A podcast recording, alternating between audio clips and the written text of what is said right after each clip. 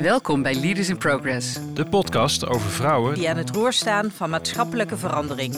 Wie zijn ze? Waar staan ze voor? En, waar, gaan ze voor? Ik ben Nadine Klokken, CEO van KNAP, de online bank die de financiële wereld van binnenuit vernieuwt. Ik ben Beate van Dongen-Krombachs, partner bij EY Consulting.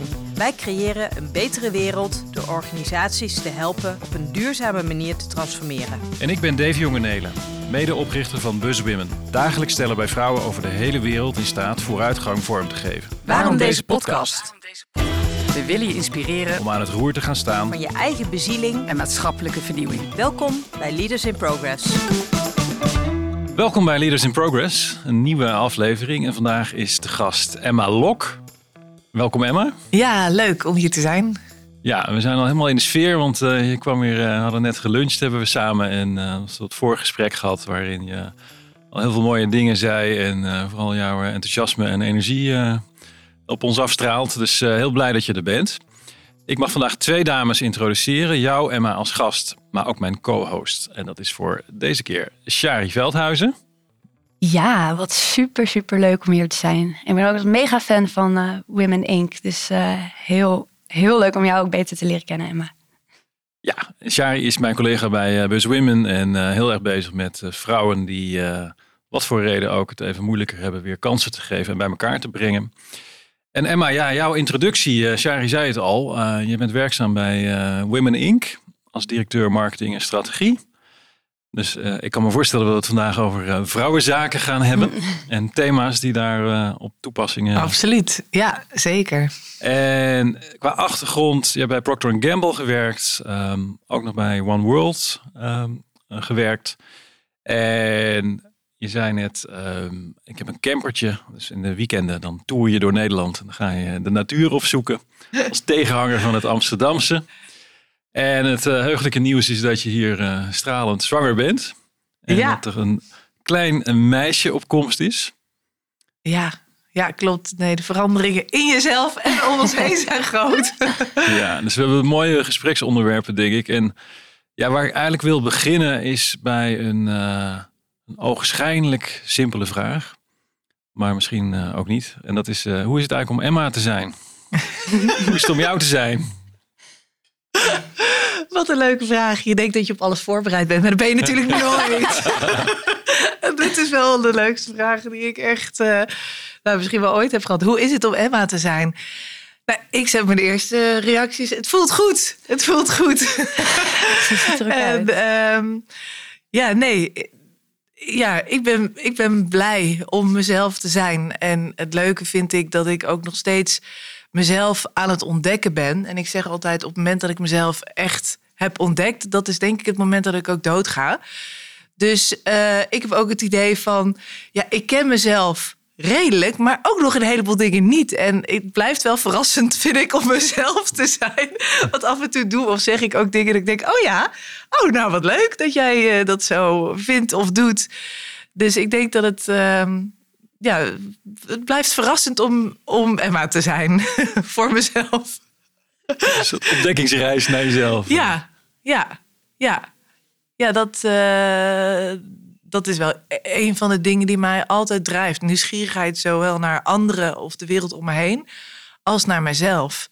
En ehm, ik heb niet het idee dat ik een vaststaand persoon ben. Dus iedere dag voel ik mij weer anders of kan ik ook weer anders zijn. Voel ik ook dat ik kan kiezen om weer iets of iemand anders te zijn. Eh, en dat gegeven geeft mij heel veel vrijheid om keuzes te maken die ik leuk vind. Op dat moment passend vind bij mijzelf.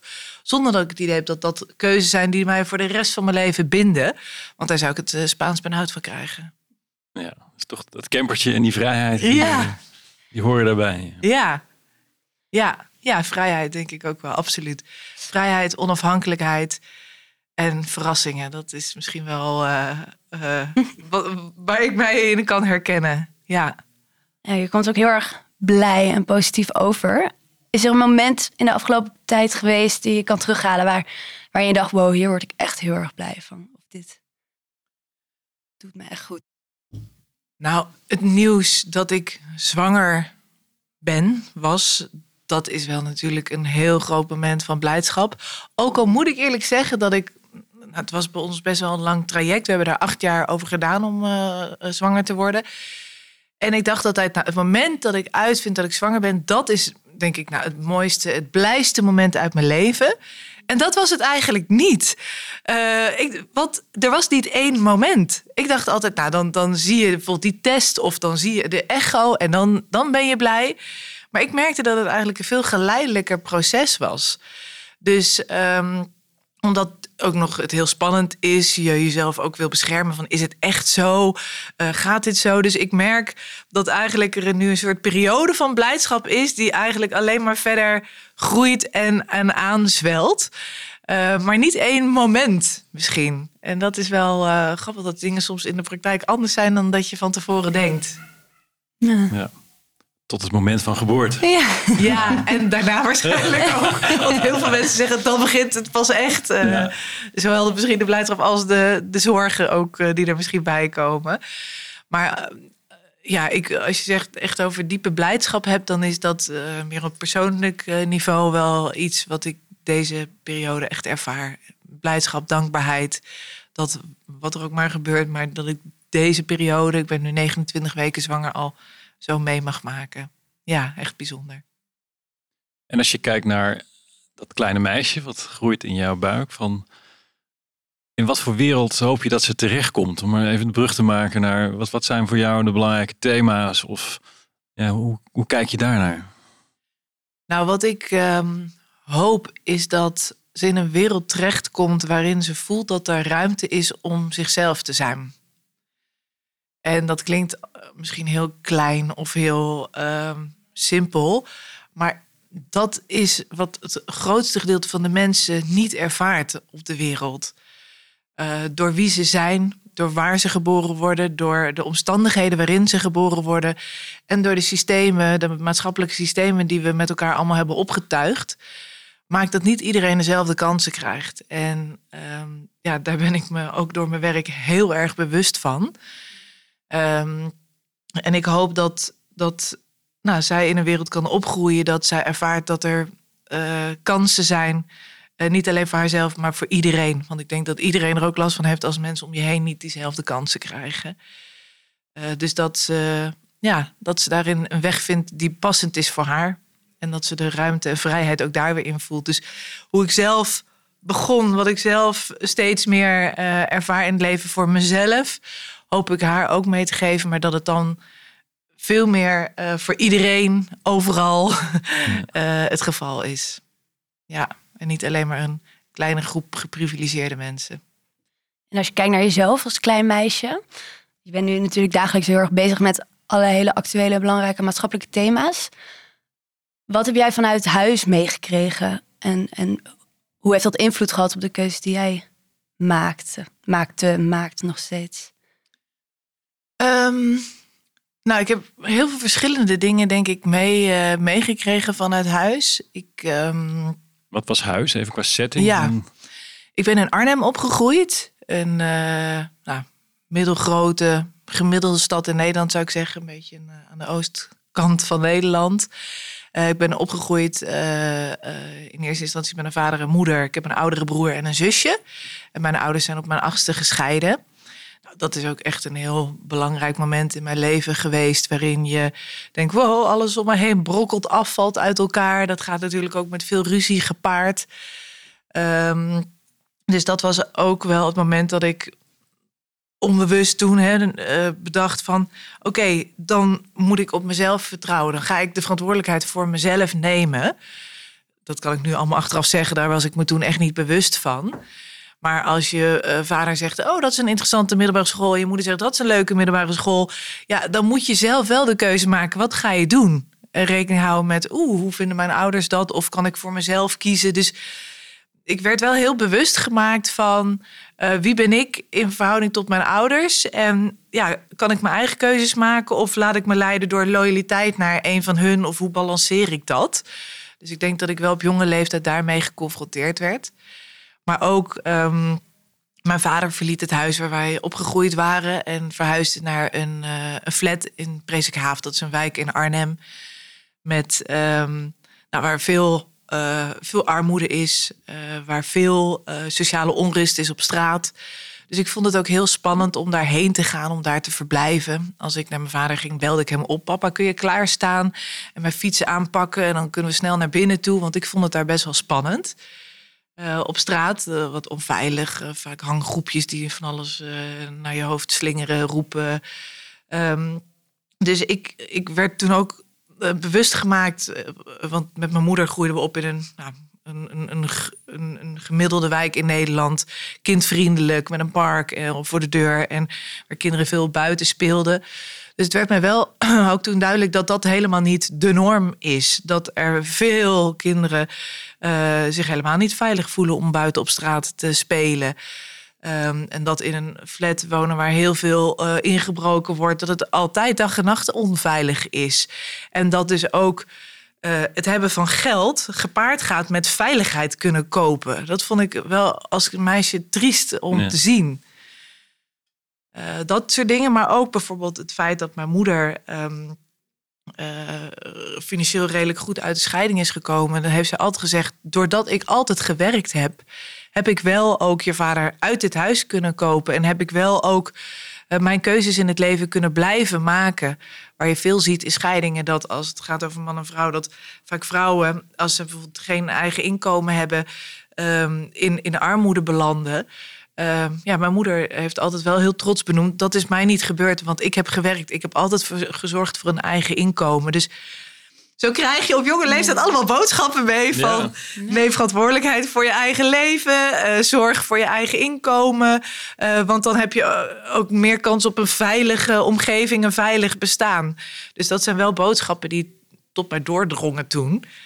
En tegelijkertijd had ik een oudere broer waarvan ik al dacht, maar wacht even, jij bent niet slimmer, sneller, stoerder, sterker of weet ik veel dan ik. Dus daar kwam ook... Luister je mee? ja, en nu pas begrijp ik van allerlei... Um, systemische gedachten dat je echt je oudere broer of zus moet erkennen als oudere. Maar dat heb ik heel lang helemaal niet gedaan. Uh, dus ik dacht, wij zijn helemaal gelijk. Dus als jij dat kan, kan ik dat ook. dus ik dacht, uh, ik denk dat daar ook wel iets vandaan komt van hey, jongens, meisjes, mannen, vrouwen. Ja, waarom zouden die niet gelijkwaardig zijn. Omdat ik ook merkte dat hij wel soms anders benaderd werd of behandeld werd dan ik. En dacht ik altijd, hé, hey, wacht even, dat klopt iets niet. En kun je momenten terughalen waar je dat ook echt daar dingen in deed? Of, of zei? Of echt uit je jeugd? Um, nou, het was meer dat als mijn vader of mijn moeder iets wilde gaan doen... Um, uh, dat ze dan dachten van... oh, uh, Simon, misschien vind jij dan leuk om met mij mee te gaan naar... Um, uh, bijvoorbeeld een, een, trimbaan om te gaan trimmen. En dacht ik, nou nee, dat, dat vind ik ook leuk om te doen. Of um, dat uh, mijn broer dan naar bepaalde films of zo ging, dacht ik, ja, dat vind ik ook leuk. Waarom zou hij dan dit leuk vinden en ik niet? om er soms ook achter te komen dat ik dat inderdaad minder leuk vond. Maar ik dacht wel iedere keer van, hé, hey, waarom worden nou dingen aan hem gevraagd en andere dingen aan mij? Niet per se dat er minder aan mij werd gevraagd of zo, maar andere, andere paden eigenlijk. Die al, terwijl ik dacht, nou, ik wil eigenlijk alles proeven. Dan wil ik zelf beslissen wat ik leuk vind. Soms vaak juist hele praktische dingen. Wat ga je doen of zo? Uh, ja, dat heb ik wel altijd een beetje bevraagd. En op zich vond ik het ook wel leuk om te merken dat mijn ouders dat ook altijd helemaal goed vonden. Of dat ook niet eh, moeilijk vonden of moeilijk overdeden. Maar ja, dan zie je toch hoe diep ingesleten sommige ja, rolpatronen zijn of stereotypen van uh, dochters en zonen, meisjes en jongens. Ja. En als je dan de lijn doortrekt, Emma, dan meisje wat opgroeit in, uh, eigenlijk leert dat veiligheid niet vanzelfsprekend is. Hè, en dat de wereld om je heen verandert. Uh, voor jezelf opkomen. Als je dan doortrekt, ik ben dan benieuwd naar Procter Gamble, viel net even van hoe ziet dat lijntje daarna uit? Want dat, dat klinkt weer heel erg als commercieel en, en Amerikaans. En ik ben heel benieuwd hoe dat pad gegaan is van dat meisje uit, uit Arnhem. Ja, dat was, dat was niet alleen maar snelweg. Er zijn er wel wat, wat zijpaden, denk ik, eh, genomen. Nou, wat ik wel merkte is, dus door misschien wel die verantwoordelijkheid of door gewoon wie ik ben, ik weet het niet, ehm, eh, dat ik wel een soort ondernemerschap had. Ehm, ik maakte op een gegeven moment zorgen over, eh, ik vond apen hele leuke dieren. Ik richtte samen met een vriendin een tropische apenclub op. En wij lazen in de Tamtam, -Tam, een uh, tijdschrift van het Wereld Natuurfonds, altijd over, nou, de apen sterven uit, het gaat niet goed met de apen. We dachten, nou ja, daar moeten wij wel wat aan gaan doen. Dus toen zijn we bijvoorbeeld een maandblad begonnen, een tijdschrift. En dat hm. brachten we in twee buurten in Arnhem rond. Daar betaalden mensen ook voor. Uh, je kreeg ook een apendag per jaar, een apententoonstelling per jaar. Daar betaalden ze voor. En dat geld stortten wij dan naar het Wereld Natuurfonds. Dus zo um, ja, dacht ik wel van... hey, als ik iets wil, dan kan ik dat wel uh, bereiken... door iets op te zetten of te ondernemen. Dus ook als ik met mijn ouders bijvoorbeeld naar de camping ging vroeger, dan vond ik natuurlijk mijn zakgeld of vakantiegeld lang niet genoeg. En dan ging ik eh, stenen beschilderen die op de camping verkopen. En dan had ik meer geld om ijsjes van te kopen. Dus ik was altijd wel bezig met, hey, hoe kan ik nou iets creëren waardoor ik weer iets groters kan neerzetten of kan realiseren. En toen ik um, uh, vanaf mijn achtste speel ik uh, toneel, vind ik altijd heel erg leuk om te doen. Ook omdat je dan in allerlei huiden van mensen kan kruipen. dus dat vind, ik, dat vind ik nog steeds heel leuk om, om te doen. Om, om ja, even uit jezelf te stappen en in andere mensen te verdiepen. In het besef dat je dat nooit helemaal kan doen. Maar alleen al dat als een soort bewuste oefening vind ik al leuk en interessant.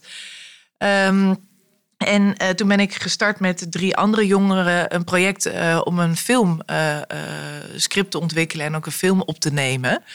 Dus heb ik allerlei subsidies aangevraagd, de stichting gestart. Was ik jongste bestuurslid van Nederland. En nou, ons doel was uiteindelijk om zoveel mogelijk jongeren bij kunst en cultuur te betrekken. Dus ook jongeren uh, achter de camera, jongeren die het script schrijven, jongeren die toneel spelen, jongeren die op de set bij dingen helpen. Dus eigenlijk van hey, wij willen leuk zelf toneel spelen in een, onze eigen film, verschoven het eigenlijk meer naar hey, hoe kunnen we jongeren nou vanuit verschillende scholen aan elkaar verbinden, betrekken bij kunst en cultuur en eigenlijk iets van zichzelf laten ontdekken, ontplooien, ontwikkelen. En uh, nou, dat liep op een gegeven moment uit tot een project van meer dan 100 mensen. En, maar zo, zo kwam dat ondernemerschap er wel in. Ja. Um, en ontdekte ik dat ik juist die organisatiekant en het financiële gedeelte ook heel interessant vond. Hoe kom je dan aan geld? Hoe creëer je meer geld en mensen en middelen om iets te doen? Dus zo ben ik uiteindelijk niet naar de toneelschool gegaan, maar naar, de, heb ik een studie bedrijfskunde gedaan in Groningen. En dan eh, word je natuurlijk helemaal beïnvloed door je studieboeken, waarin allemaal mm. cases staan van grote bedrijven, machtige bedrijven die heel succesvol zijn om heel veel geld te vergaren. En, uh, een ander soort toneel. Ja. Een ander soort toneel, inderdaad. Ja, dus toen kwam ik ook met allerlei cases in, in aanraking, onder andere met Procter Gamble, Unilever, zijn grote bedrijven van deze wereld, waardoor ik wel gefascineerd was. Ik dacht van, jeetje, dit zijn wel hele grote bedrijven die zo lang al zo goed zijn om te groeien. Om zichzelf in stand te houden en iets te doen waarmee ze geld verdienen om nog meer dat te kunnen doen.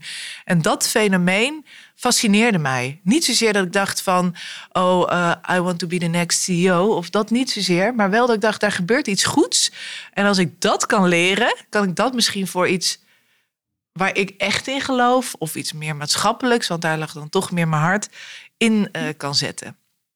Dus vandaar uh, toch een bepaalde uh, wandelpaadje, misschien niet de snelweg, maar wandelpaadje richting meer dat, dat, dat grote bedrijfsleven, dat hele professionele. hoe lang heb je bij Procter gezeten? Um, zes jaar. Ja, zes jaar op verschillende marketing- en businessachtige functies. Altijd uh, een beetje in de beautyhoek. Dus Max Factor, Ola's, Gillette, Head Shoulders. Nou, dat soort merken allemaal. En daar vond ik het ook weer heel erg leuk om ja, de consumentenonderzoeken te doen, zoals ze dat dan noemen. Dus met bijvoorbeeld vrouwen de winkels in te gaan, focusgroepen te doen, bij hun thuis te kijken van hoe maken zij zich dan op, wat zit er dan in hun toilettas.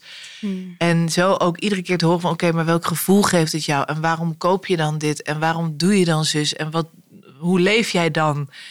En zo kreeg ik ook wel echt een mooi beeld van eigenlijk ja, de afwegingen die mensen maken of hoe zij leven, wat ze belangrijk vinden, met name vrouwen ook in de, in de beautyhoek.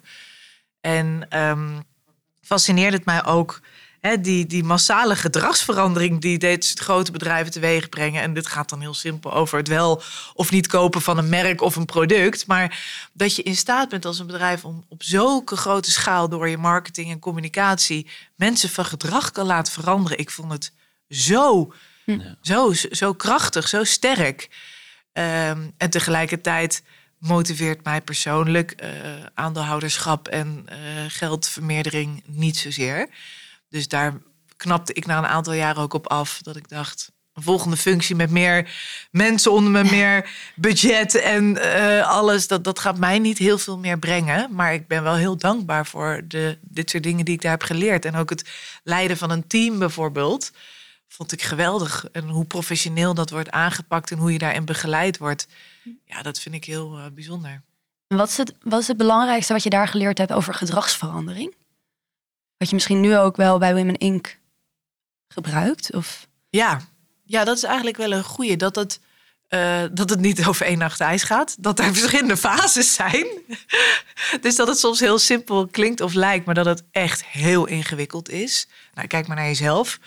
Um, ik was uh, vorige week bij een mondhygiënist en ik moet echt meer gaan flossen. Dus ik ben nu bezig met het integreren van het flossen en tandenstokeren in mijn dagelijks leven. En dat vind ik echt heel ingewikkeld. Nou ja, dit gaat over een hele kleine gedragsverandering, maar om iets echt naar een nieuwe gewoonte te maken, dat is, een, dat is echt wel iets. Um, maar dat, dat er eigenlijk twee redenen zijn, denk ik, waarin mensen echt van gedrag veranderen. Of je staat op een burning platform, dus er is geen weg meer terug. Je moet wel, omdat een product niet meer te krijgen is. Of omdat, ik zeg maar, dat je geld op is. Of omdat hè, er een, een harde reden waar je niet omheen kan. Uh, het huis wat je huurt is verkocht. Je moet eruit bijvoorbeeld. Of, hè, er zijn gewoon redenen. Dan word je gedwongen. En aan de andere kant dat het um, uh, kan zijn vanuit, uh, vanuit verlangen.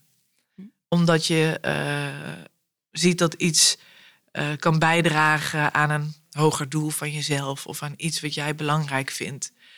Dus dat zijn eigenlijk de basisredenen. Uh, en als je dus geen gebruik wil maken van dwang, dan moet je dus iets verzinnen wat mensen echt raakt. Of wat ze echt beweegt. En dan moeten ze natuurlijk wel eerst ervan af weten dat dat er is waarom dat relevant is voor hun.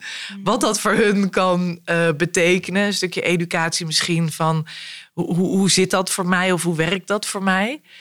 Um, zodat hun, hun kennis verbreed wordt, hun houding uh, verandert. En dan pas zie je ook hè, dat gedrag wat verandert. Dus kennishouding, gedrag is nu wel iets wat wij heel vaak gebruiken in onze methodes. En dat is niet uniek voor ons. Dat doen denk ik heel veel organisaties of dat is een bekende fasering, kennishouding, gedrag is wat wij nu vaak toepassen.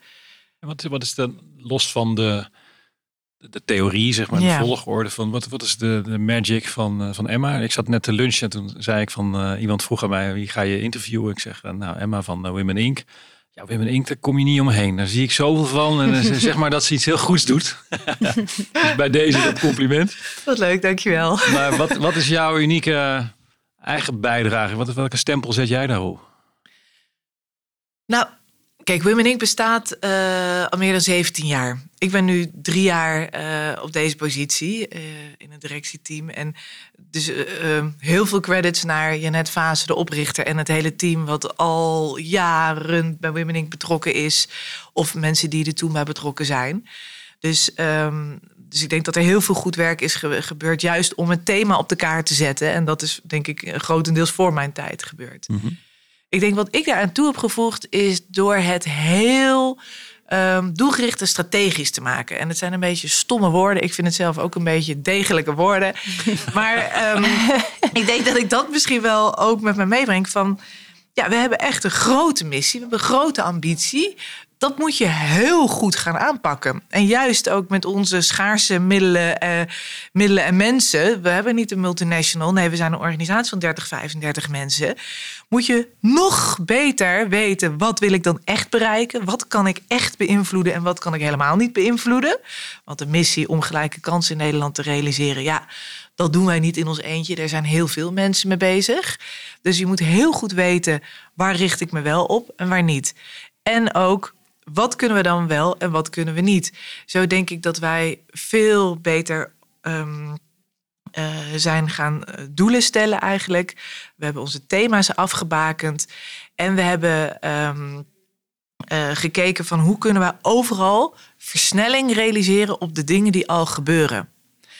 Dus hoe kunnen wij uh, ook leren bijvoorbeeld van buitenland, waar bepaalde wetgeving is, hoe kunnen we die snel naar Nederland halen? Ja. Via Europa of direct. En dan hier dat versneld introduceren.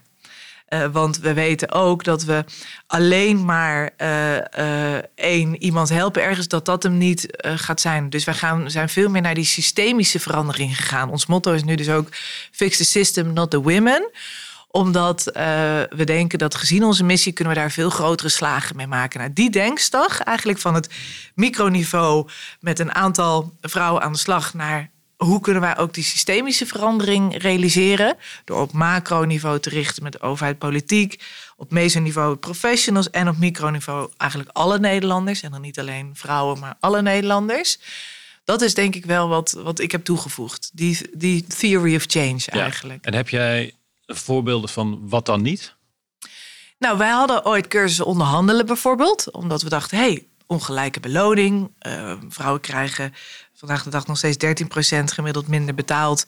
Uh, minder salaris betaald dan mannen. Nou, dat is drie ton op een werkend leven. Ooit dachten we, nou, vrouwen moeten mondiger worden, moeten beter leren onderhandelen. En nu zeggen we, nee, helemaal niks van dat alles. Wij zijn er ook mee gestopt. Wij zijn nu um, veel meer bezig met die wetgeving heel snel naar Nederland halen. En met de uh, zorgen dat die heel goed in elkaar zit ook. Dus wij denken ook mee over ja, hoe dan dat te introduceren. Dat het en werkbaar is voor bedrijven en organisaties. En dat het daarmee dus ook echt landt in de samenleving. En met werkgevers aan de slag van meet nou hoe het bij jou in de organisatie zit, dan kun je het ook aanpakken. Dus we hebben echt die focus uh, verschoven. En we zien dat we daardoor gewoon veel meer impact kunnen halen. Is daar het geheim? ja, onthuld. Shit, ligt op straat. nee, maar die systeemverandering, dat, dat triggert natuurlijk van, uh, je zegt, uh, we need to fix the system, ja. not women. Kun je daar wat meer over vertellen? Ja, als je kijkt, hè, system is ook alweer zo'n heel stom woord, vind ik altijd. Wat is nou het systeem? Bestaat uiteindelijk natuurlijk ook uit mensen. Laten we dat uh, heel duidelijk zijn. Dus als iemand zegt, ja, het systeem, systeem klinkt ver weg. Nou, dat zijn eigenlijk alle mensen die je de hele dag ziet en hoort om je heen. Alleen weten we wel dat sommige mensen daar meer invloed op hebben dan anderen. Dus je weet dat bepaalde politici of bepaalde beleidsmakers of bepaalde professionals of sleutelfiguren, uh, dat die een bepaalde rol hebben die, die, die zwaarder weegt in beslissingen. En dat die besluiten nemen die voor heel veel mensen invloed hebben en, en consequenties hebben. Um, en dan is het heel belangrijk dat zij ook weten van welke uitdagingen hebben we vandaag de dag in de maatschappij. Uh, het feit dat er nu geen gelijke kansen zijn bijvoorbeeld. En hoe, welke invloed hebben ze erop? Heel simpel bijvoorbeeld, er is een enorme krapte op de arbeidsmarkt. Dat is ook echt iets waar ik me heel erg veel zorgen over maak. Wat heel tastbaar is denk ik voor iedereen. Of je nou in een horecatent zit of op Schiphol wil reizen. Of als je in de thuiszorg wil. Of um, nou, op, op allerlei terreinen. Overal is een enorme krapte. Ik denk dat niemand daar omheen kan. Um, en als wij nu met plannen bezig gaan, en ik weet dat uh, minister Karim van Gennep is enorm druk met uh, die arbeidsmarktkrapte dat aan te pakken, dan is dit wel het moment om ook meteen te kijken: kunnen we dat niet op een manier doen dat er ook gelijke kansen zijn voor mannen en vrouwen en voor iedereen eigenlijk. Want anders gaan we weer naar oplossingen kijken die we in het verleden al hebben gehad, of die niet werken, of die niet, die eigenlijk weer hetzelfde creëren als hoe het was. Dit zijn juist ook unieke transitiemomenten om te zorgen dat we het anders gaan inrichten. Dat je misschien wel moet gaan kijken van hoe, waar zijn dan die kraptes, hoe komen die kraptes daar en hoe gaan we die oplossen? Bijvoorbeeld in de zorg. Ja, het is niet zo gek dat het daar krap is, want de salarissen liggen enorm laag. De werkomstandigheden zijn echt niet gunstig. Vanaf begin af aan dat je daar begint, eh, krijg je een heel klein contract. En dat blijft vaak het hele leven zo. Terwijl je misschien drie kinderen hebt gekregen, maar die kinderen ook weer uit huis zijn. Je hebt misschien zorgtaken erbij gekregen. Of je bent misschien gescheiden. Dus je zou kunnen verwachten dat mensen misschien soms meer of minder willen werken. Maar dat gebeurt nu niet. Dus laten we dan alsjeblieft kijken naar oplossingen waarin dat meteen wordt meegenomen.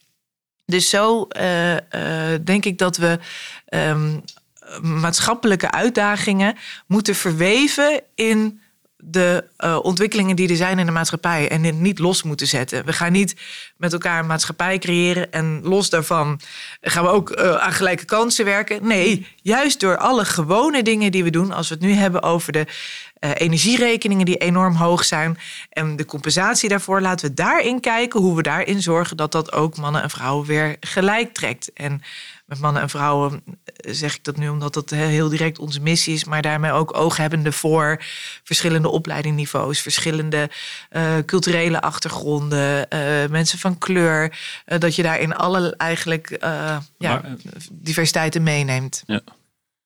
Ja, ik ga zelfs wel aan op dat stukje gelijke kansen. Uh, ook omdat wij daar vanuit Bus Women zelf ook veel mee werken, mee bezig zijn. Um, maar omdat het ook altijd zo'n enorm begrip is en er heel vaak heel veel ongelijkheid achter de ongelijkheid zit. Dus het is ook een soort van opstapeling aan barrières die mensen weerhouden van het, het grijpen van een bepaalde kans. Hoe, ja, hoe zie jij, wat betekent gelijke kansen voor jou misschien als persoon en hoe zie jij dat?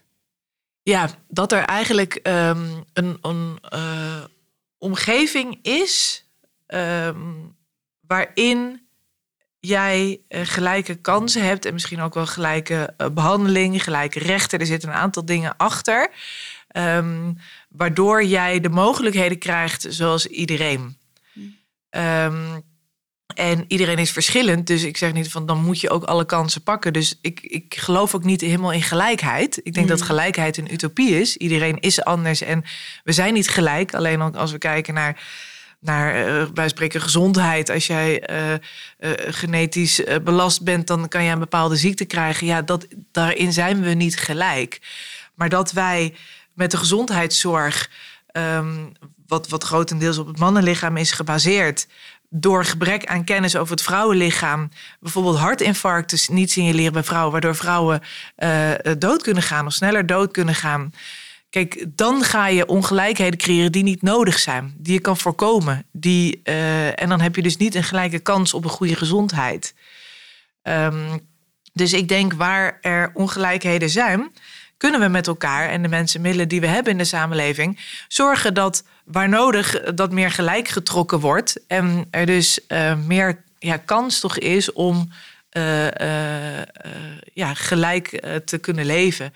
En ik besef dat gelijke kans een heel abstract iets is. Hè? En dat mm. betekent ook altijd iets. Dus je moet altijd inzoomen van waar gaat het over en wat betekent het dan? Je moet het lekker praktisch maken. Maar goed, samengevat zou ik zeggen gelijke kansen. Want gelijke rechten zijn er misschien op heel veel vlakken al wel. Uh, gelijke behandeling maakt het ook weer heel subjectief. Want soms moet je juist niet gelijk behandelen om wel die kansen te geven aan iedereen. En als je kijkt naar jezelf in de laatste drie jaar, dat je echt in deze functie zit en die thema's wil agenderen en dat systeem wil veranderen, van waar ben je zelf bewust van geworden? Van, van welke stukken, wat voor soort ongelijkheid bijvoorbeeld was je zelf ook niet van bewust? Waar zitten, waar zitten de blinde vlekken? Nou, ik ben echt gefascineerd door het eh, begrip diplomisme. Dat is uh, laatst gemunt door een uh, journalist van de Correspondent, een journalistiek platform. En dat gaat over eigenlijk discriminatie op basis van opleidingsniveau. En dat is zo onzichtbaar nog. Wat mij betreft staan we echt nog, staat die vorm van discriminatie echt nog in de kinderschoenen. Um, dat zoveel in je leven afhangt van je opleidingsniveau, maar ook dat je eigenlijk daardoor al op een middelbare school al gescheiden wordt van opleidingsniveau. Waardoor je niet meer met mensen van een ander niveau in aanraking komt. En daardoor ook eh, veel minder oog krijgt voor wat mensen op een ander opleidingsniveau hebben. En ook al, hè, van, we zeggen altijd hoog, laag opgeleid, er zit natuurlijk een enorm waardeoordeel achter. Uh, terwijl iedereen in de maatschappij hebben we nodig. Maar er zit wel een enorm beloningsverschil. Ook als je kijkt naar banen waar mensen met een hoger opleidingsniveau gevraagd worden, worden vaak beter betaald. En het is heel geaccepteerd, vooral onder hoogopgeleiden, of ik zeg liever dan theoretisch opgeleiden, om ook uh, uh, zo te praten. Ja, diegene begrijpt dat niet. Ja, diegene heeft ook niet gestudeerd. Oh, diegene, dat het heel geaccepteerd is om discriminerend te praten waar we hopelijk uh, steeds meer bewust zijn van racisme. Uh, uh, en, en dat we elkaar misschien steeds meer corrigeren bij racistische opmerkingen die misschien onbewust geplaatst worden of soms bewust. Maar heb ik het idee dat over opleidingsniveau er nog heel makkelijk ehm, gesproken wordt. En dat er dus echt een, een soort ehm, eh, ja, deling in de maatschappij is op basis van opleidingsniveau wat zo, zogenaamd onzichtbaar lijkt, heel zichtbaar is. En waar weinig onderzoek naar wordt gedaan. Want onderzoekers zijn vaak weer hoog opgeleid. En vaak onderdeel van de geprivilegeerde groep. Dus zo houdt het ook zichzelf in stand. En ik denk dat daarmee, hè, de vertaling ook naar mijn werk, praktisch opgeleide vrouwen, vaak werkzaam in bijvoorbeeld de zorg of in de schoonmaak of kinderopvang, zijn cruciaal voor de samenleving. Maar zij zijn vaak zo druk aan het werk. Uh, hebben veel financiële stress, zorgstress voor gezin, voor, voor omgeving, voor hun uh, ouders. Die hoor je niet, want die zijn eigenlijk heel druk bezig met het hoofd boven water houden. Dus ik vind ook de zeggenschap in de samenleving van praktisch opgeleide mensen. En nou, vanuit Wilmenink maak ik mijn hart dus voor de praktisch opgeleide vrouwen. Vind ik echt niet goed geregeld. Structureel niet goed geregeld. En daar maak ik me wel zorgen over. En hoe zorg jij dat je zelf binding hebt met de meer praktisch opgeleide? Zelf ben je ook hooggeschoold en natuurlijk uh, net over je, je loopbaan gehad. Van, hoe zorg je daarvoor? Ja, door altijd um, te zorgen dat je op heel veel verschillende plekken komt en altijd met heel veel verschillende mensen spreekt. En dat klinkt heel simpel, maar dat, dat gaat echt ook over um, uh, als je in, uh, in de trein zit of als je op, in de supermarkt bent. Of door heel erg te observeren, er bewust van te zijn. Nou, misschien begint het daar ook weer bewustzijn. Dat je enorm beperkt kijkt. Hè? Dat je allemaal vooringenomenheid hebt. En inderdaad, ik ben me heel bewust van het feit dat ik heel geprivilegeerd ben. En uh, hooggeschoold ben. In goede posities heb gezeten. Altijd financiële middelen heb gehad omdat ik een inkomen heb gehad. Dus door dat, daar heel bewust van te zijn en dat dus ook bewust op te zoeken. En goed te kijken, goed te, uh, zoveel mogelijk praatjes aan te gaan, uh, contact te leggen zelf. Uh, naast ook allerlei onderzoeken die je natuurlijk leest of dingen die je hoort. dat allemaal bij elkaar te brengen. Ja. ja. Dat, dat is en blijft een hele belangrijke. Want als je niet uitkijkt, het is heel makkelijk om toch in je eigen bubbel te blijven uh, zitten en te blijven leven. Ik vind wel dat het echt moeite kost. En als ik heel druk ben, zijn dat ook toch de eerste dingen die erbij inschieten. Dat is echt, daar ben ik niet blij mee, niet trots op. Maar zo is het wel. Ja, want wat zijn de momenten waarop je het wel eens moeilijk vindt om zo bewust en doelgericht en systematisch te werken? En... Um, nou, op het moment dat je het idee hebt dat dingen weer achteruit gaan. Hè? Als je kijkt of, of dat, dat je geen verandering ziet. Een klein beetje verandering houdt me op de been om, om door te blijven gaan. dat het partnerverlof is uitgebreid van vijf dagen naar, naar uh, zes weken bijvoorbeeld. Ben ik heel blij mee dat er een vrouwenquotum is voor het bedrijfsleven. Ook is dat nog maar de top. Maar dat geeft het signaal of dat de politiek eindelijk verantwoordelijkheid neemt voor het feit dat we niet meer geloven in een maatschappij wat uh, sleutelfiguur, of wat in de topposities alleen maar mannen betreft, of grotendeels mannen betreft, dat een uh, kabinet van Rutte 50-50 nu is. Dat zijn allemaal verschuivingen in de maatschappij. Terwijl hij bij het vorige kabinet zei hij nog, nou wij kiezen voor kwaliteit. Wat natuurlijk niet helemaal klopt. Dus zo zie je veranderingen in, in de tijd. En daar ben ik heel erg blij mee. Op het moment dat ik het idee heb dat we stappen teruggaan, als je kijkt naar abortuswetgeving, uh, maar ook als je kijkt wat er nu bijvoorbeeld in Iran gebeurt natuurlijk. Dat is echt vreselijk dat je toch... Um, uh, nou, waar uh, mensen vermoord worden om hun vrouw zijn, die hun vrouwrechten bevechten. ja, dat, dat vind ik af en toe wel heel, ehm, wel heel moeilijk. Ja, ja als, je, als je het gevoel hebt dat, um, dat je achteruit gaat of dat het stilstaat. Ja, opkomst van soms conservatieve geluiden, dan moet ik wel even drie keer slikken. En tegelijkertijd denk ik, ja, daar zit dus ook weer nieuwe informatie over uh, wat er nu gedacht wordt. Nieuwe informatie over wat ons scherper kan maken. Dus op zich tegengeluid ben ik heel erg voor. Maar soms kan dat ook uh, ja, wel, uh, wel, wel het werk wel zwaarder maken. Ja, en ook de persoonlijke verhalen van mensen. Hè, dat je aan de ene kant scherpt dat, eh, scherpt dat ook aan je missie. Maar als je hoort hoe iemand uh, uh, nou het best doet om bijvoorbeeld uit de bijstand te komen en keer op keer daar niet in slaagt en de schulden lopen op. ja, dat, dat aan de ene kant sterkt het je in je werk en in je missie. En aan de andere kant denk ik ook wel eens, jeetje, het is echt soms voor heel veel mensen niet te doen, structureel niet te doen. Ja, dan voel ik wel mee met een soort machteloosheid soms. Ja, dus daar zit ook de geraaktheid waar je het eerder over had. Van als je het over gedragsveranderingen hebt. Van, waar zouden we ons meer door moeten laten geraken? Ik denk misschien in eerste instantie wel door onszelf. Door meer nog zelf naar binnen te kijken. Wat er eigenlijk aan gevoel binnen jezelf leeft. Veel mensen met wie ik uh, het gesprek aanga, dat kan gewoon een medewerker bij een bedrijf zijn, kan soms een CEO zijn, beleidsmaker, een politicus, uh, iemand op straat. En ik vertel over uh, nou, mijn missie, waar we met Wim en Ink voor strijden en verstaan. Dan heel vaak krijg ik als eerste reactie: Oh, nou, dat ken ik helemaal niet. Oh, dat, is dat er nog? Nee, dat is er toch helemaal niet meer. Het is niet dat ze het er niet mee eens zijn, maar ze erkennen eigenlijk niet dat dat er is. En dan vind ik het altijd interessant om erop in te gaan en het überhaupt over in- en uitsluiten te hebben. En dan vraag ik ook heel vaak aan mensen: maar wanneer ben jij zelf misschien uitgesloten in jouw leven? Was je misschien vroeger zelf, wilde je bij een vriendin een groepje horen, mocht je er niet bij? Werd je misschien een keer als laatste gekozen bij gym? Hele kleine, simpele voorbeelden. Maar vaak kunnen mensen dan toch ergens wel in hun leven een situatie aangeven waarin ze zich uitgesloten voelden. En vanuit dat hele persoonlijke, individuele gevoel kun je dan ook weer opbouwen naar hoe dat voor groepen mensen nu in de samenleving is. En dan voel ik dat er opening is om, om uh, misschien ook te kijken naar de eigen rol daarin. Of, of wat ze misschien vanuit hun eigen positie of omgeving wel kunnen doen. Maar dat gevoel is vaak zo bedekt. Mensen willen het niet weten. En vaak ook heel succesvolle mensen. Dat is voor vaak kom ik erachter dat het ook gedreven is, juist dat ze ergens uitgesloten zijn, enorme bewijsdrang hebben gekregen, super succesvol zijn, totaal vergeten waar ze zelf vandaan kwamen. En dan moeten ze weer even herinnerd worden, weer even terug naar zichzelf, even naar binnen kijken, om zich dan ook voor anderen te kunnen inzetten.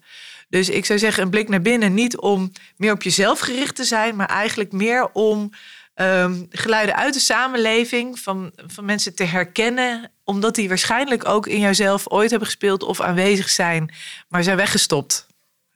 Ja. Dus ik geloof altijd dat er uh, juist naar binnen kijkend nog veel meer te halen valt. En hoe doe jij dat zelf? Dat naar binnen kijken? Ja, door heel bewust daar tijd en ruimte voor te nemen er soms gewoon uh, een uur of twee uur echt en letterlijk met mezelf gewoon te zitten. En te kijken wat er is. En soms word ik dan heel verdrietig. Of heel boos. Of heel blij. Word ik overstopt door geluk. Maar dat ik dan even weer voel wat ik voel.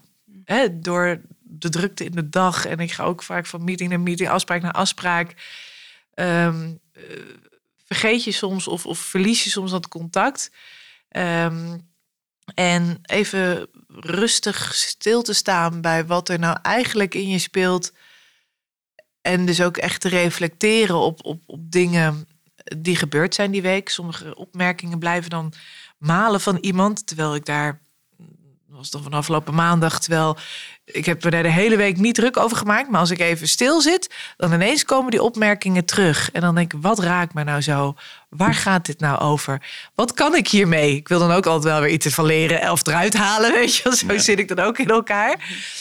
Maar uh, dat helpt mij wel heel bewust om, om uh, even stil te staan te observeren mm, bij mezelf, te reflecteren en ook te kijken van wat kan ik hier nou mee. Uh, en ook soms erachter komen dat je soms zelf daar een belabberde rol in hebt gespeeld. Of dat uh, je jezelf ook even in een oud patroon bent gaan. Dat je denkt, oh ja, dit is helemaal niet handig. Voor mij niet, voor anderen niet. Om vervolgens daar hè, ook weer zelf volgende keer een andere keus misschien in te maken. Dus ook die gedragsverandering daar. Voor mezelf probeer ik ook altijd weer nieuwe smaakjes uit. Iemand zei, ja, maar als jij je leiderschapsstijl hebt gevonden, dan kun je dat toch gewoon, dan is dat toch jouw stijl? Nee, ik vind het leuk om alle smaakjes van leiderschap uh, te kunnen en te kennen. En dan kan ik zelf bepalen wanneer ik het inzet. Dat vind ik veel meer leiderschap. Het is niet ja, hoe jij bent uitvergroten en dat uh, inzetten in je werk. Nee, ik vind het veel interessanter om te kijken wat is er allemaal aan, aan keuzeopties. Als je die allemaal kent en kunt, dan kun je veel bewuster kiezen wat is op dit moment zinnig, effectief, nuttig, haalbaar, wenselijk. Uh, ja, dat, dan vind ik het veel uh, interessanter en spannender worden. En ik denk ook veel effectiever. En als je dan naar binnen kijkt van bij jezelf, wat zie je dan nog gebieden, thema's, vragen? Dan denk van wauw, dat ben ik toch wel heel benieuwd naar nog van iets waar je iets mee wil of mee moet. Ja, nou ja, ja ik. Um, wat ergens altijd toch wel weer opkomt van. Uh, doe ik het goed genoeg? Ben ik goed genoeg? Um, en uh, en ik vind dat altijd aan de ene kant denk ik, jeetje, weet je, dat is zoiets ouds. Is dat er nog steeds? Weet je wel, dat je één keer in de zoveel tijd er gewoon echt even zo heel erg aan twijfelt. En aan de andere kant ben ik er ook heel blij om, want dat houdt me ook op een bepaalde manier scherp en gedreven. Um, in welke zin? Nou, dat um, uh, ik heb nooit het gevoel van Oh, ik heb, uh, ik heb mezelf inderdaad uitgespeeld. Uh, ik ben er al. Uh, ik hoef niks meer te leren. Ik heb nu een positie bereikt. Daar kan ik van alles in doen. En, en ik ben er of zo. Het houdt me altijd scherp. Dat ik denk, ja, maar je kunt altijd anders. Of, hè, of dat nou beter is of niet. Maar je kunt altijd nog weer nieuwe smaakjes van jezelf ontdekken. Waar we het in het begin ook over hadden. Jezelf weer verrassen. Um, dus het houdt voor mij, die nieuwsgierigheid houdt voor mij nooit op. Dus het wekt bij mij eigenlijk nieuwsgierigheid op. Van als ik niet goed genoeg ben, wat kan ik dan nog anders doen? En ik merk wel dat het minder hongerig is dan vroeger. Vroeger werd ik daar heel onzeker van. En nu voel ik dat het me meer triggert om weer nieuwe smaakjes van mezelf aan te boren. Om misschien iets anders te doen. Of om andere, uh, ja, vooral eigenlijk vaak om iets anders te doen. Om soms waar ik meteen mijn mond open zou trekken te zeggen, nu ben ik stil. Ja, doe eens.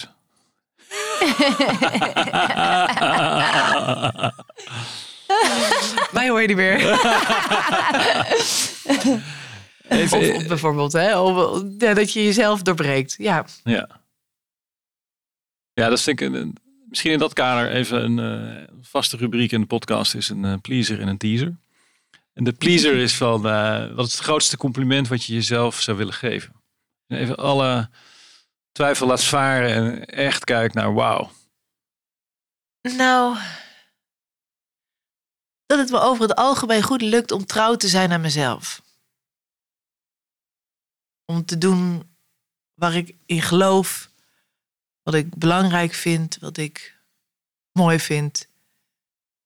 Ja, ja dat me over het algemeen redelijk lukt om uh, keuzes te maken die goed voelen voor mij en kloppen voor mij. En wat is daar het geheim achter? Wat is de sleutel? Hm. Nou, door ook dus rust en tijd te investeren om te weten wat je wil. Of wat belangrijk voor je is. En die vragen zijn niet altijd makkelijk. Hè? Juist als je ook druk bent, dan vergeet je soms ook weer van, oh ja, wat vind ik dan ook weer belangrijk? Of wat vind ik dan ook weer uh, uh, goed om te doen? Of, dus steeds daar wel naartoe teruggaan en dat echt weten. Um, maakt ook dat je veel meer kan creëren, veel meer kan sturen op wat je graag wil bereiken. Waar komt dat weten vandaan? Um, echt dat enthousiasme voelen. Ik voel gewoon waar word ik blij van, waar word ik enthousiast van.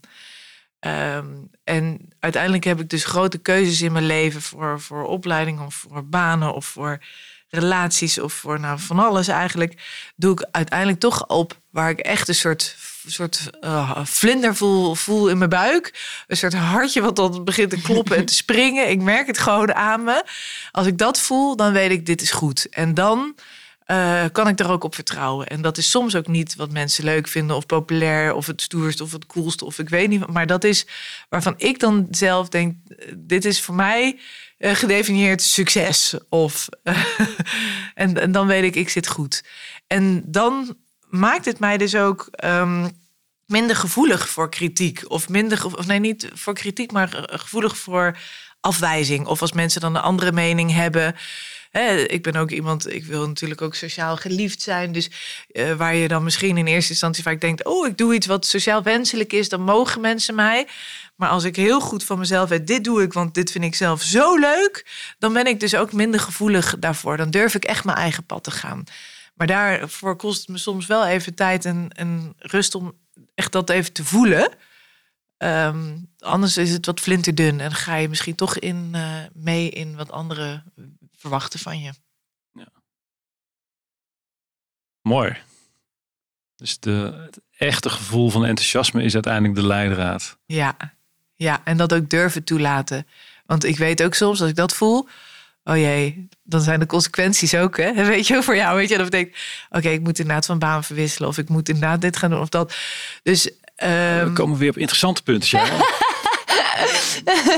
als we die doortrekken, dan maken we daar gelijk teaser van. Als, je, als je nou echt vol voor je enthousiasme zou gaan en nog meer de remmen los zou laten. Ja. En uh, straks uh, heb je een mooie dochter en dan uh, kom je terug van zwangerschapsverlof. En dan, wauw, wat, wat is er dan? Wat gaan we dan zien? Mm. Wat gaan we dan zien? Ik denk, ja, dat ik daardoor eigenlijk nog meer um, ja, vervuld ben, zeg maar. Waardoor ik eigenlijk nog meer energie heb om uit te putten. Ik geloof heel erg in dat een soort positief wiel van energie is. Als je um, uh, op werkvlak bijvoorbeeld iets doet waar je heel erg van aangaat, dan krijg je er energie van. Dat stop je ook weer in je privéleven. Dat stop je ook weer in je omgeving. En dan kun je eigenlijk op kleine schaal om jou heen. Um, uh, ja, veel, veel, veel um, positiviteit brengen of veel verandering uh, teweeg brengen. En ik denk dat, uh, omdat het zo'n lang gekoesterde wens is, dat ik daarmee nog meer vervuld ben en nog meer inspiratie heb eigenlijk om, om uit te putten, om ja, te, doen wat ik doe. En ik denk niet dat het heel veel anders zal zijn. Ik denk misschien het gevoel waarmee ik het doe, dat het nog vervulder is of rijker is. Of dat ik eigenlijk nog meer lessen leer uit, hè, wat ik altijd hoor van mensen met kinderen, is dat is je grootste levensles. Want je moet heel mindful zijn op het moment. Iemand geeft je zo'n spiegel terug van je eigen gedrag. Dus ik denk dat ik nog dat die feedback loop met zo'n kleintje zo groot is dat het me zo triggert en uh, ja, dat je eigenlijk nog meer open staat voor, voor verandering. En nog gemotiveerder misschien bent ook om voor een generatie daarna, volgende generatie, je in te zetten om de wereld beter te maken. Maar in essentie ben ik echt heel blij met het leven wat ik leid en de keuzes die ik uh, heb gemaakt. Dat ik niet heel. Het gaat niet heel anders zijn. Nee. Mooi. Mooi. Ja, je zou eigenlijk een camera erbij moeten hebben. Ja, ja echt. Ja. en ik ben nog even benieuwd, wat is, je zegt net levenslessen, wat is tot nu toe jouw grootste levensles? Wat kunnen wij van jouw leven leren? Nou, ik geloof altijd in bewust acteren en niet onbewust reageren. Er zijn zoveel prikkels om ons heen. Je kunt op alles ingaan. Je kunt je er helemaal in verdwijnen. En je raakt alleen maar verder weg van wat jij leuk en fijn en belangrijk vindt. En wat voor jou nodig is ook. Dat is zoveel ruis. Ik geloof het meest in als je kan bewust kan zijn van wat er om je heen gebeurt en in jezelf gebeurt, zodat je meer kan acteren, dus zelfbewust keuzes kan maken over wat jij belangrijk vindt, wat jij graag wil, wat bij jou past. Dat vind ik, dat werkt heel goed voor mezelf. Maar daarbij wel echt de kanttekening ehm, dat niet altijd de omstandigheden of de maatschappij of de samenleving zich daar ook verleent. Want ik zie heel veel mensen die hier heel sterk in zijn en niet de mogelijkheden, de kansen of de omgevingen hebben om dit ook op die manier uh, uh, in te zetten. Uh, dus ik wil er niet te makkelijk over doen. Maar ik geloof wel dat het stuk ja, mentale kracht, de, het bewustzijn wat in jouzelf zit, dat dat iets is wat niemand je af kan nemen.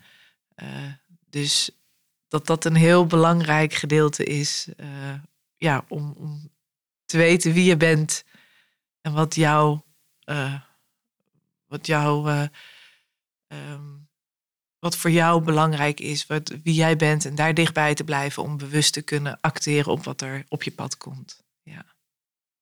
En als je hem nog even doortrekt naar van wat zou jouw boodschap aan jouw babytje straks zijn in deze wereld? Wat is jouw boodschap misschien aan alle luisteraars ehm, in die lijn? Leef je leven. Ja. Leef je leven. Ja. Eigenlijk niet meer dan dat. Anders ga ik het al heel erg inkleuren of invullen. Leef je leven. Dat is het. Het leven is ook niet meer, niet minder dan dat. Eh, Leef het. Nog even de vraag naar ehm, Fix the System, eh, Not the Women. We hebben ook nogal wat mannen die luisteren naar deze podcast. Hoe kijk je daarnaar? Dan eh, hebben we een Man Inc. nodig? Of, eh, Man Inc. Ja, ik zeg altijd, het is altijd goed als mensen dat oprichten. dus ik zou zeggen, go for it. Of een luisteraar die enthousiast wordt. Hebben we Man Inc. nodig? Ehm, nou, dat denk ik niet. Maar hebben Man nodig? Ja, heel erg. Ik denk dat de hele maatschappij er ehm, baat bij heeft als iedereen mee kan doen. Eh, daarmee wordt het eh, rijker, interessanter.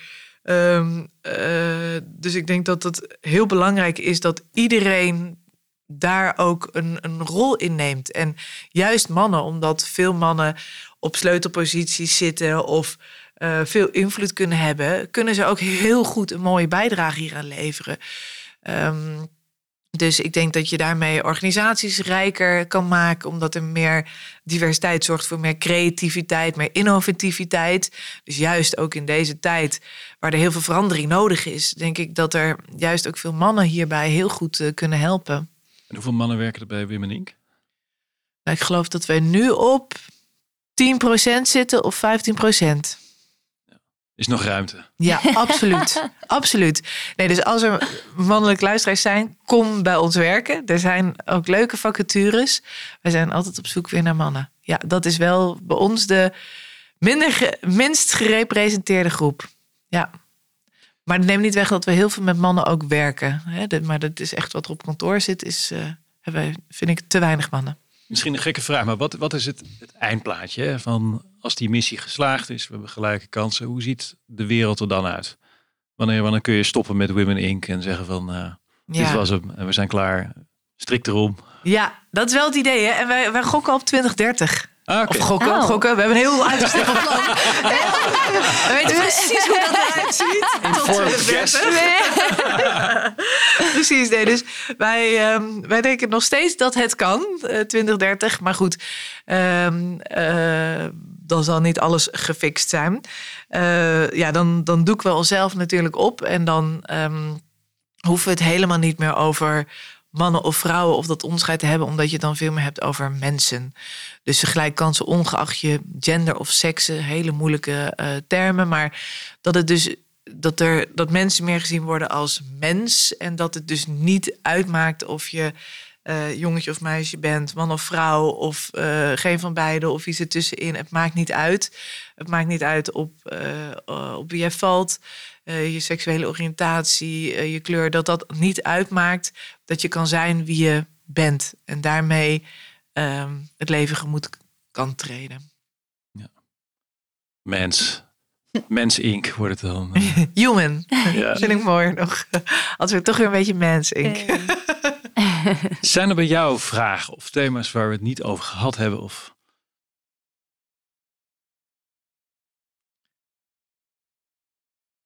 Nou, volgens mij hebben we heel veel eh, besproken. En ik vind het ook altijd wel mooi om dingen onbesproken te laten. Uh, interview Om nieuwsgierigheid op te wekken. nee, niet, eh, niet wat nu bij me opkomt.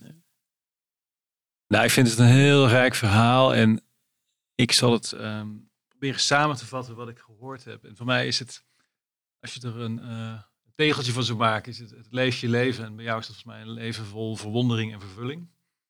Ehm, verwondering over jezelf, hoe de wereld in elkaar zit. En ook vanuit het bewustzijn van al op jonge leeftijd geconfronteerd zijn met dingen die niet vanzelfsprekend zijn, met ongelijkheid, met veiligheid. Volgens mij wel heel erg de zaadjes hebben geplant voor je maatschappelijke betrokkenheid, je ondernemerschap wat daarop volgde. En dat je die leerschool van de wereld van beauty en die gedragsverandering eigenlijk heel mooi hebt meegenomen naar ja, een van de grootste thema's van deze tijd. Uh, ongelijkheid in het algemeen. Ik vond ook heel mooi dat je daar nog een soort verdieping in aanbrengt van het uh, diplomisme en ook andere vormen van onderscheid die wij maken, waar we ons niet van bewust zijn.